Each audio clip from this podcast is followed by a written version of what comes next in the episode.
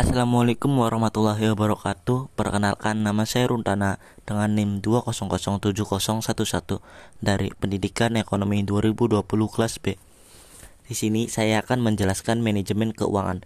Manajemen keuangan adalah kegiatan perencanaan, pengelolaan, penyimpanan, serta pengendalian dana dan aset yang dimiliki suatu perusahaan. Manajemen keuangan ini harus memiliki tujuan yang jelas. Ada beberapa tujuan manajemen keuangan yang pertama, menjaga arus kas. Yang kedua, memaksimalkan keuangan perusahaan.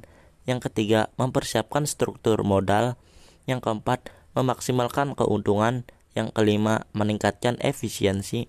Yang keenam, mengoptimalkan kekayaan perusahaan. Yang ketujuh, menguasai risiko operasional. Yang kedelapan, memastikan kelangsungan kehidupan perusahaan. Yang kesembilan, mengurangi biaya modal. Selain tujuan manajer keuangan, manajer keuangan juga harus mempunyai fungsi yang jelas. Ada beberapa fungsi manajer keuangan. Yang pertama, merencanakan keuangan dalam sebuah perusahaan sangatlah penting. Yang kedua, kegiatan mengalokasikan dana untuk semua keperluan perusahaan. Yang ketiga, melakukan pengontrolan atau evaluasi terhadap keuangan yang sedang berjalan. Yang keempat, proses pemeriksaan keuangan, yang kelima melaporkan keuangan. Terdapat juga beberapa prinsip manajer keuangan yang harus diterapkan di setiap perusahaan. Yang pertama, ada kewajiban moral dan hukum yang terdapat dalam sebuah perusahaan. Yang kedua, sistem keuangan perusahaan harus dilakukan secara konsisten, bukan berarti perusahaan tidak boleh mengganti sistem yang sudah berjalan.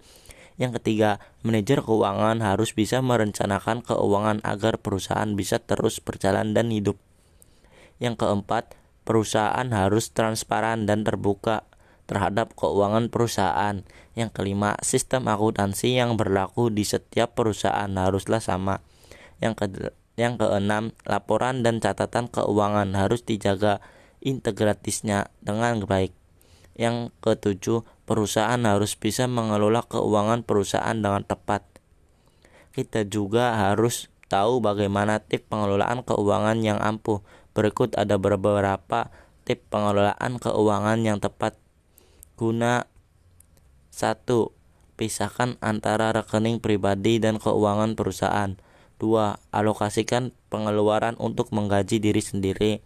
3. Buat laporan keuangan.